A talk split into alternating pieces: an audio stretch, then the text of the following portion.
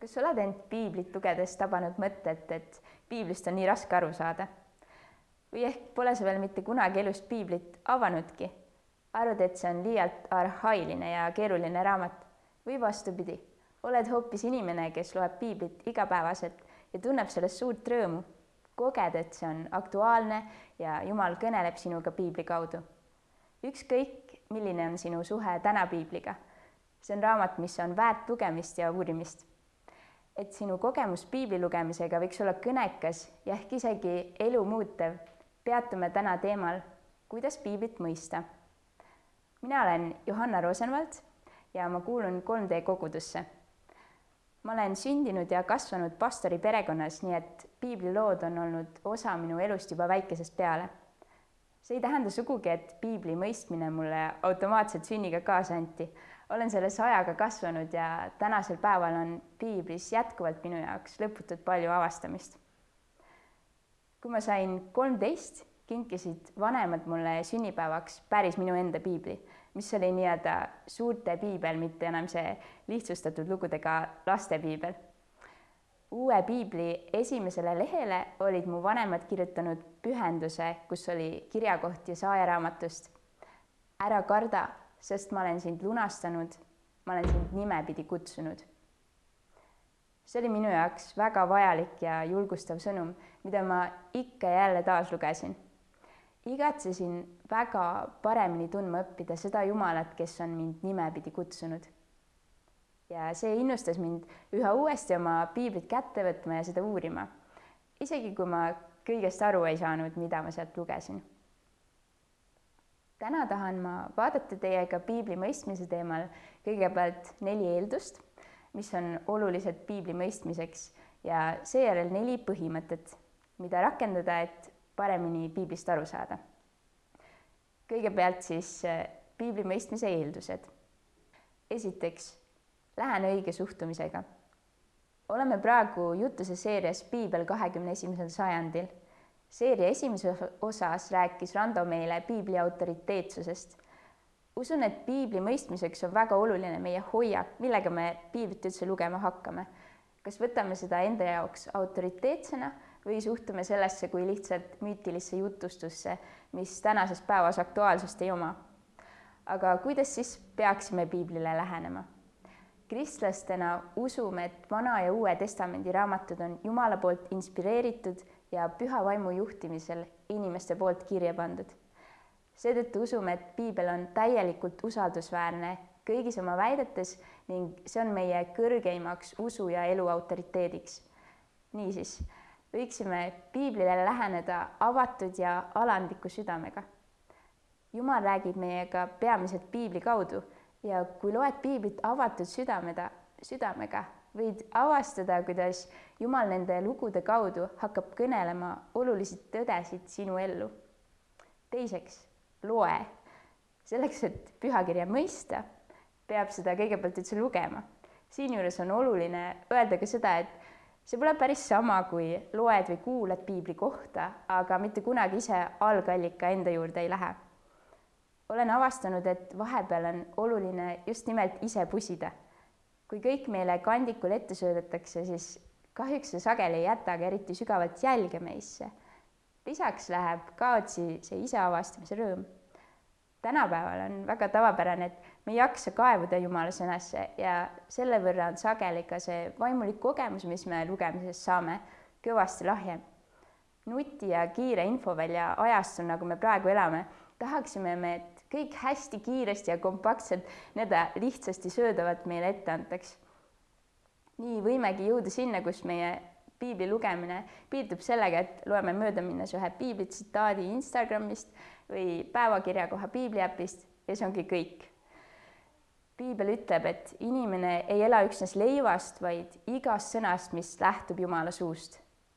et meie vaimne inimene ja meie osadus Jumalaga ei närbuks vajame lisaks füüsilisele toidule igapäevaselt ka vaimulikku toitu.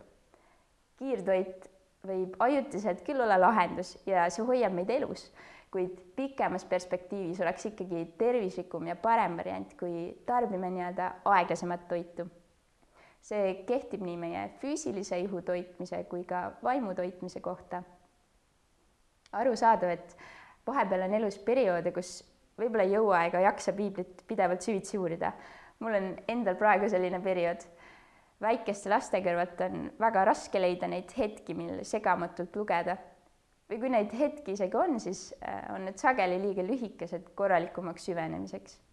samas ma usun, et kus on tahe, seal leidub alati ka mõni võimalus olen enda jaoks avastanud näiteks hea variandina piibli lugemise asemel hoopis piibli kuulamise.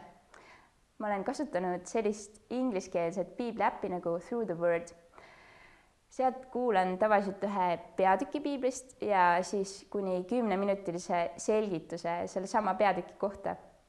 tänapäeval on muidugi väga palju erinevaid võimalusi kättesaadaval ja kindlasti leiad midagi sellist, mis ka sinul võiks aidata regulaarse piibli lugemise paremini toimima panna.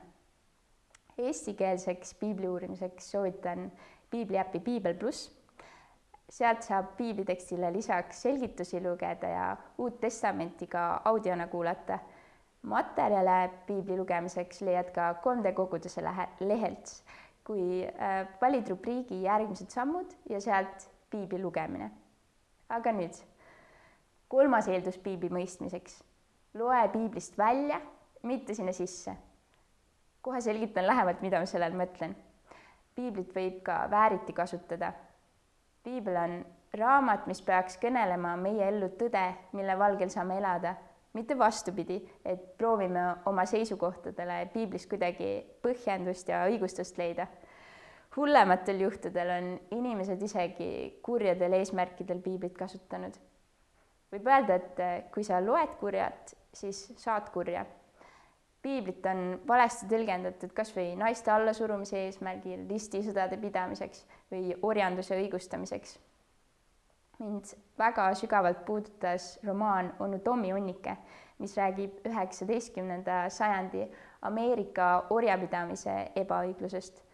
tollel ajastul õigustati orjapidamist sageli ka religioosseid põhjuseid leides romaanis on näiteks üks seik, kuidas laeval kokku sattunud võõraste seltskond arutleb elu üle ja jõuab järeldusele, et see on kahtlemata Jumala tahtmine, et Aafrika rass peab teisi teenima ja et teda teistest madalamaks peetakse.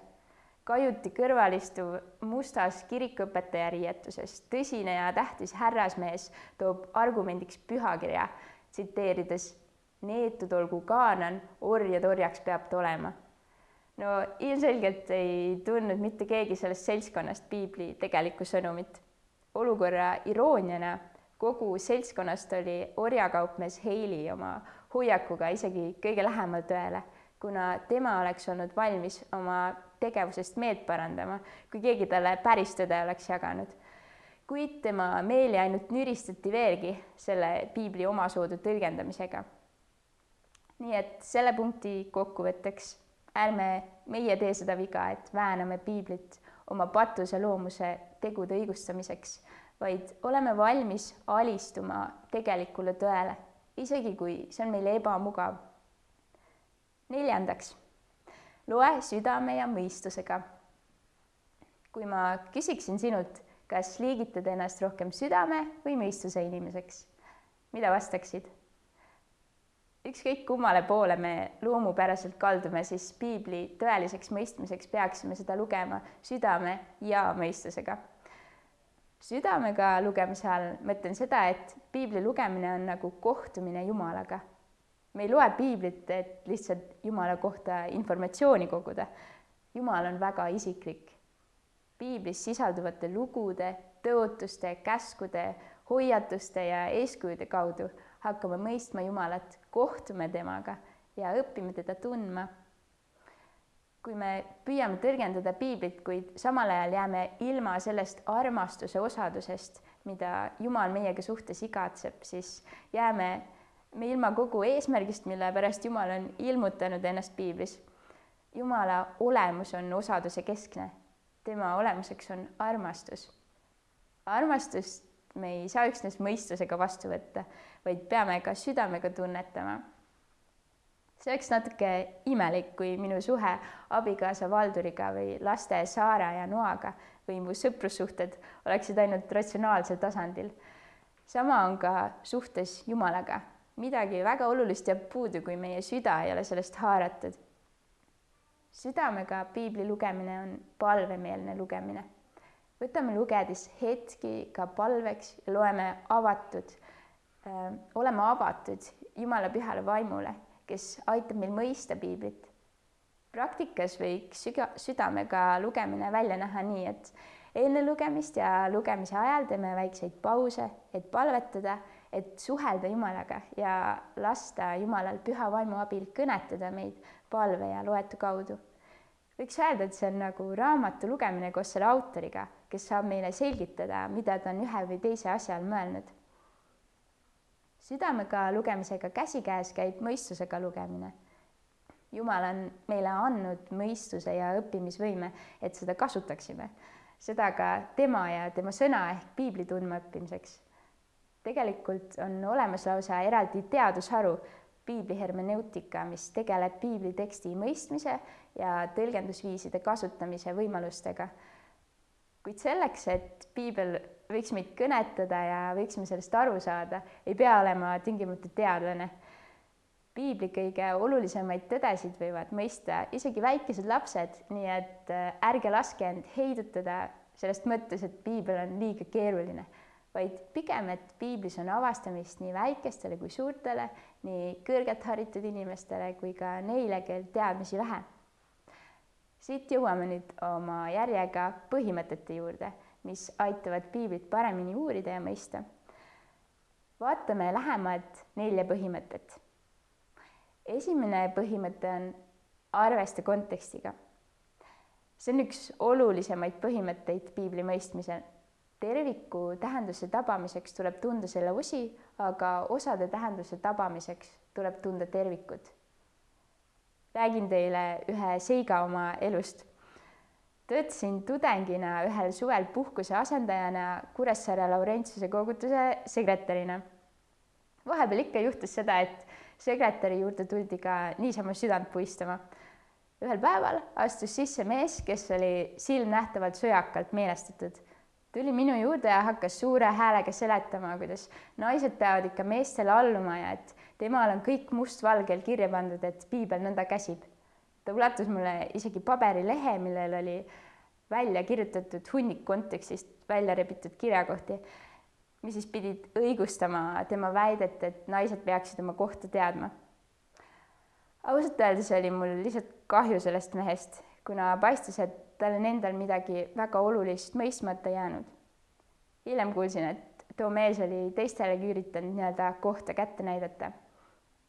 igatahes kindel oli see, et tema teguviis ei lähtunud mitte suurest armastusest naiste vastu. midagi oli piibli mõistmisel väga viltu näinud.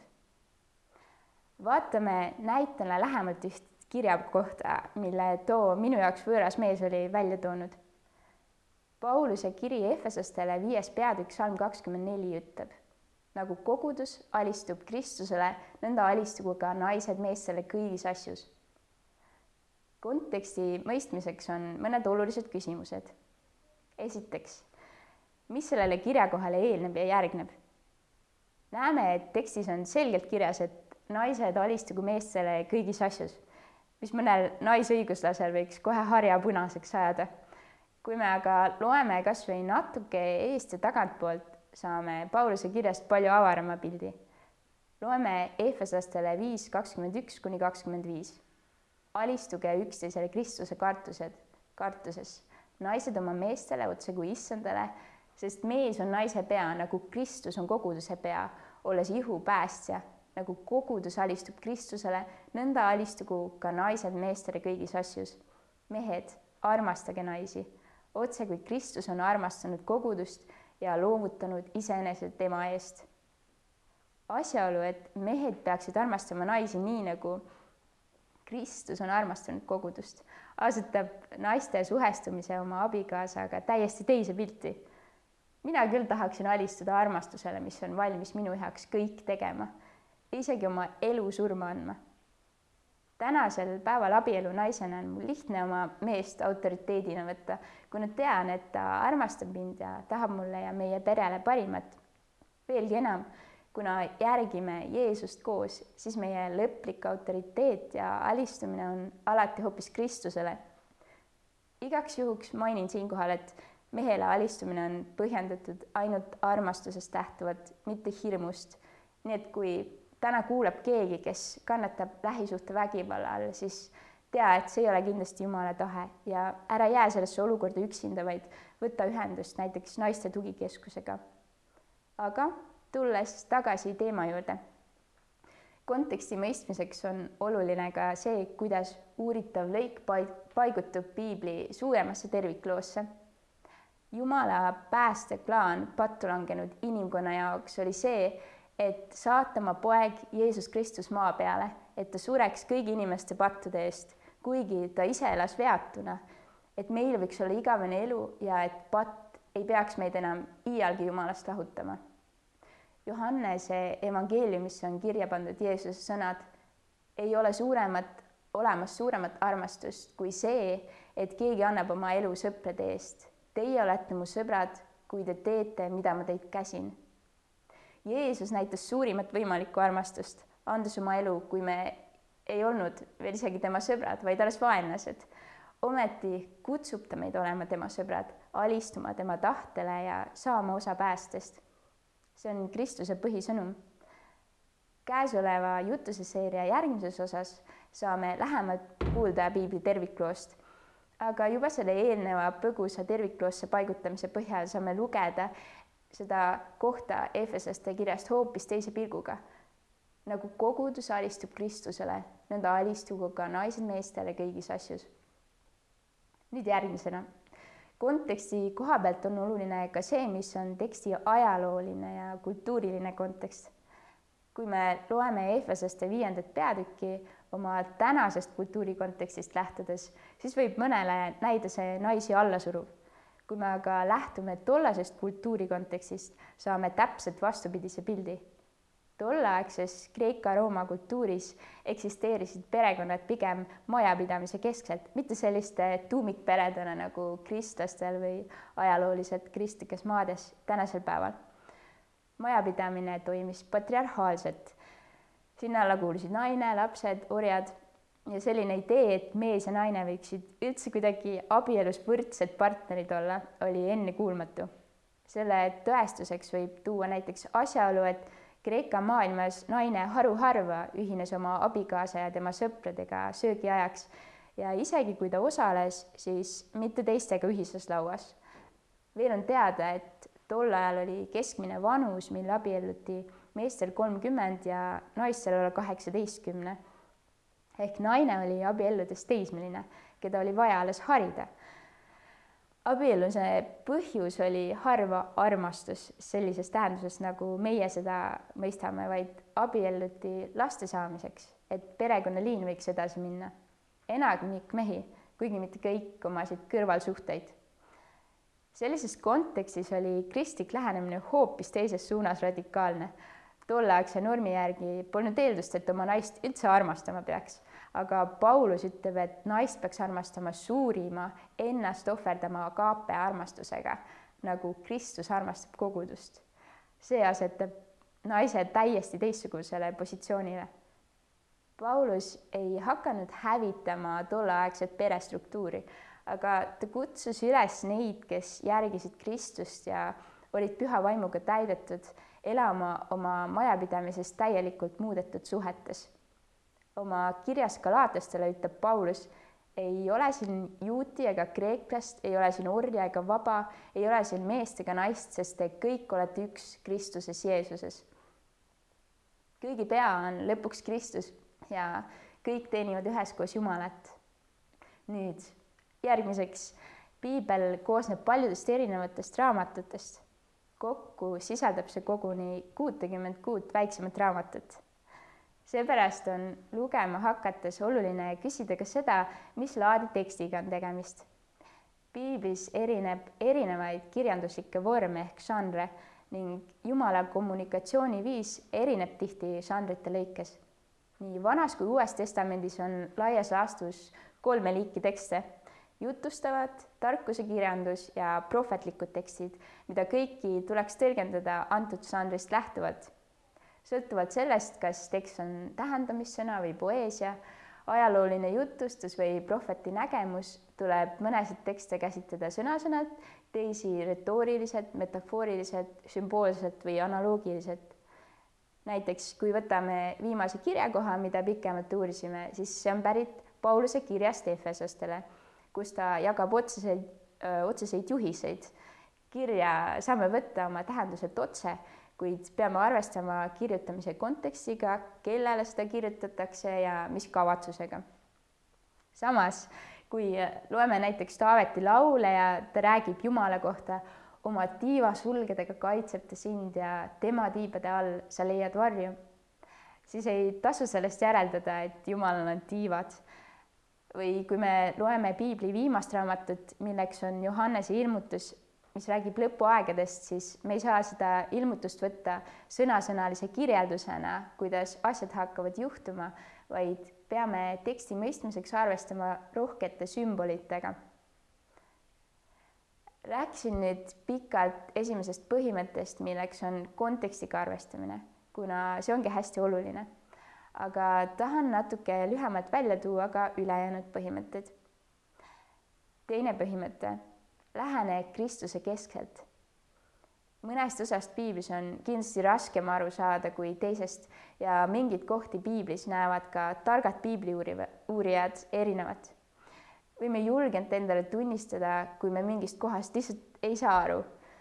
mingi aeg ma joonistasin hariliku pliiatsiga oma piibli servale küsimärke, kui mõni koht mulle arusaamatuks jäi paljud küsimärgid on ajaga vastuse saanud, kuid nii mõnedki ootavad veel uurimist. see ei olegi kõige olulisem, et me sada protsenti kõigest kohe aru saaksime. kõige tähtsam on see, et me piiblit lugedes saaksime osa evangeeliumi sõnumist. lõpuks iga raamat piiblis juhib otsesemal või kaudsemal viisil meid vaatama Kristusele, tema elule, surmale, ülestõusmisele ja päästelootusele, mis meil selles on kui vaatame mööda Jeesuse isikust, vaatame mööda kõige olulisemast. üks Ameerika ajakirjanik H.A. Jacobs, kes ise ei ole kristlane, tegi eksperimendi, kus ta aasta aega püüdis elada kõigi reeglite järgi, mis piiblis kirjas on. püüdes muuhulgas visata abielu rikkujaid kividega, ei piiranud oma juuste ja habeme äärt ning puhus iga kuu alguses pasunat kui ta oleks arvestanud piibli terviklooga ja sellega, mida Jeesus õpetas, oleks ta võinud mõista, et Jumal ei oota, et me tänasel päeval täidaksime Iisraeli rahvale antud käske, mis olid eesmärk, eesmärgipärased tolle rahva ja ajastu kontekstis. Jeesuse Kristuse teenimistöö ehk surma ja ülestõusmise kaudu on enamik selliseid käske meie jaoks juba täidetud. Jeesus ütles, et kogu seadus ja prohvetid on kokku võetud kahes käsus armasta issandat oma Jumalat kogu oma südamega ja kogu oma hingega ja kogu oma mõistusega ning armasta oma ligimest nagu iseennast. nii et kui keegi tahab proovida aasta aega täielikult piibli järgi elada, siis see peaks olema hoopis radikaalse ja ennastsalgava armastuse aasta. niisiis, piiblit lugedes peaksime mõtlema, kuidas konkreetne kirjakoht seostub Kristusega kuidas ta õpetab meile Kristusest, juhatab meid Kristusesse ja saadab meid välja Kristuse nimel. kolmandaks tahan välja tuua selle, et piibli paremaks mõistmiseks on oluline lugeda seda koos teistega. kõik meie eeldused, kultuuritaust, sugu, vanus ja isiklik minevikupagas, minevikupagas äh,, lühidalt kõik, mis meie elus ja ühiskonnas toimub mõjutab alati seda, kuidas me piiblit ja Jumalat mõistame. alati kaasneb piibli lugemisega selle tõlgendamine. kui me jagame omavahel piibli lugemist ja tõlgendamist, on meil võimalik saada palju mitmekülgsem ja samas täpsem pilt Jumalast ja pühakirjast. lisaks kasvab omavaheline osadus ja me saame julgustada üksteist piiblitõdede rakendamisel koos piibli uurimine ei ole oluline mitte ainult neile, kes on alles usutee alguses, vaid ka kogenum, kogenumatele. Apostlite tegudest saame lugeda näitena Apollose lugu. Apollose kohta öeldakse, et ta oli vahva kõnemees ja vägev kirjaseletaja. teda oli õpetatud tundma issanda teed ja vaimult keevalisena ta rääkis ja õpetas täpselt Jeesusest, aga teadis ainult Johannese ristimist. Kaasusklikud Priskilla ja Aquila kuulsid teda kõnelemas ja võtsid ta enda juurde ja seletasid talle Jumala tee täpsemini ära. sealsamas öeldakse veel, et pärast ta tõi palju kasu neile, kes olid hakanud uskuma armu läbi kui mõtled praegu, et äh, mul pole kedagi, kellega piibli üle arutada siis hea võimalus äh, on tekkinud küsimus, et kogukonda kaasa võtta või miks mitte ka täitsa kastist välja mõelda. Mul oli mu armsa sõbra Elizabethiga selline lugu, et ta tahtis väga piiblit paremini tundma õppida, kuid polnud seda kellegiga koos teha. ta otsis endale selleks mentorit ja võttis soovituse peale minuga ühendust, kuigi me tol hetkel olime üksteise jaoks täiesti võõrad mentorluses tegime alguses nii, et leppisime igaks kohtumiseks kokku mingite peatükkide osas, mille läbi lugesime. Ja pärast arutasime omavahel siis neid kohti, mis jäid segaseks. vahepeal on mitu aastat sellest mööda läinud ja nüüdseks õpetab mõnikord hoopis Elizabeth mulle mingeid asju, mitte ainult mina talle, nii et kasulik on see igatpidi. nüüd jõuame meie neljanda ehk viimase punktini, milleks on rakenda piibli mõistmisele peaksid järgnema ka teod. Meie usku ei hinnata selle järgi, kui palju me mõistame, vaid selle järgi, kui palju me mõistetust rakendame. piibli lugemise vili peaks olema see, et see viib meid meeleparandusele, usule, sõnakuulelikkusele, Jumalale ja teenimisele. et see muudab meid armastavamaks ja paremaks, tegelikult lausa uueks inimeseks teadlik Jumala sõnale kuuletumine aitab meil omakorda piiblit paremini mõista ja süvendab meie usku ja osadust Jumalaga. olen teile nüüd rääkinud neljast eeldusest, mis on olulised piibli mõistmiseks ja neljast põhimõttest, mida rakendada. lõpetuseks tahan veel öelda, et Jumalal ja Jumal ja tema sõna on lahutamatud mida enam tunned Jumalat, seda enam mõistad piiblit ja mida enam mõistad piiblit, seda enam tunned Jumalat. Piibli lugemine on võimalus kohtuda elava Jumalaga ja saada tema poolt kõnetatud. Jumal oma püha vaimu kaudu avab meile oma sõna ja pakub meile armastuse osadust temaga. kas tahad seda kogeda? kui sa täna kuulasid seda kõnet ja suurt midagi aru ei saanud, mõtlesid võib-olla, et mis püha vaim ja jumala sõna, see kõik on sulle lihtsalt veel väga võõras, siis sellest hoolimata kutsun ma sind kas või esimest korda elus piiblit kätte võtma ja avastama seda erilist raamatut. usun, et see on üks parimaid viise, kuidas Jumala ja usu kohta täpsemalt teada saada rääkisin täna alguses sellest, kuidas äh, mind innustas piiblit lugema salm, kus Jumal ütleb Jesaajale, et ta on teda nimepidi kutsunud ehk tunneb ja kutsub teda väga isiklikult. Tea, et Jumal kutsub ka sind täna nimepidi. Ja piiblit lugedes võime igaüks selle kutse avastada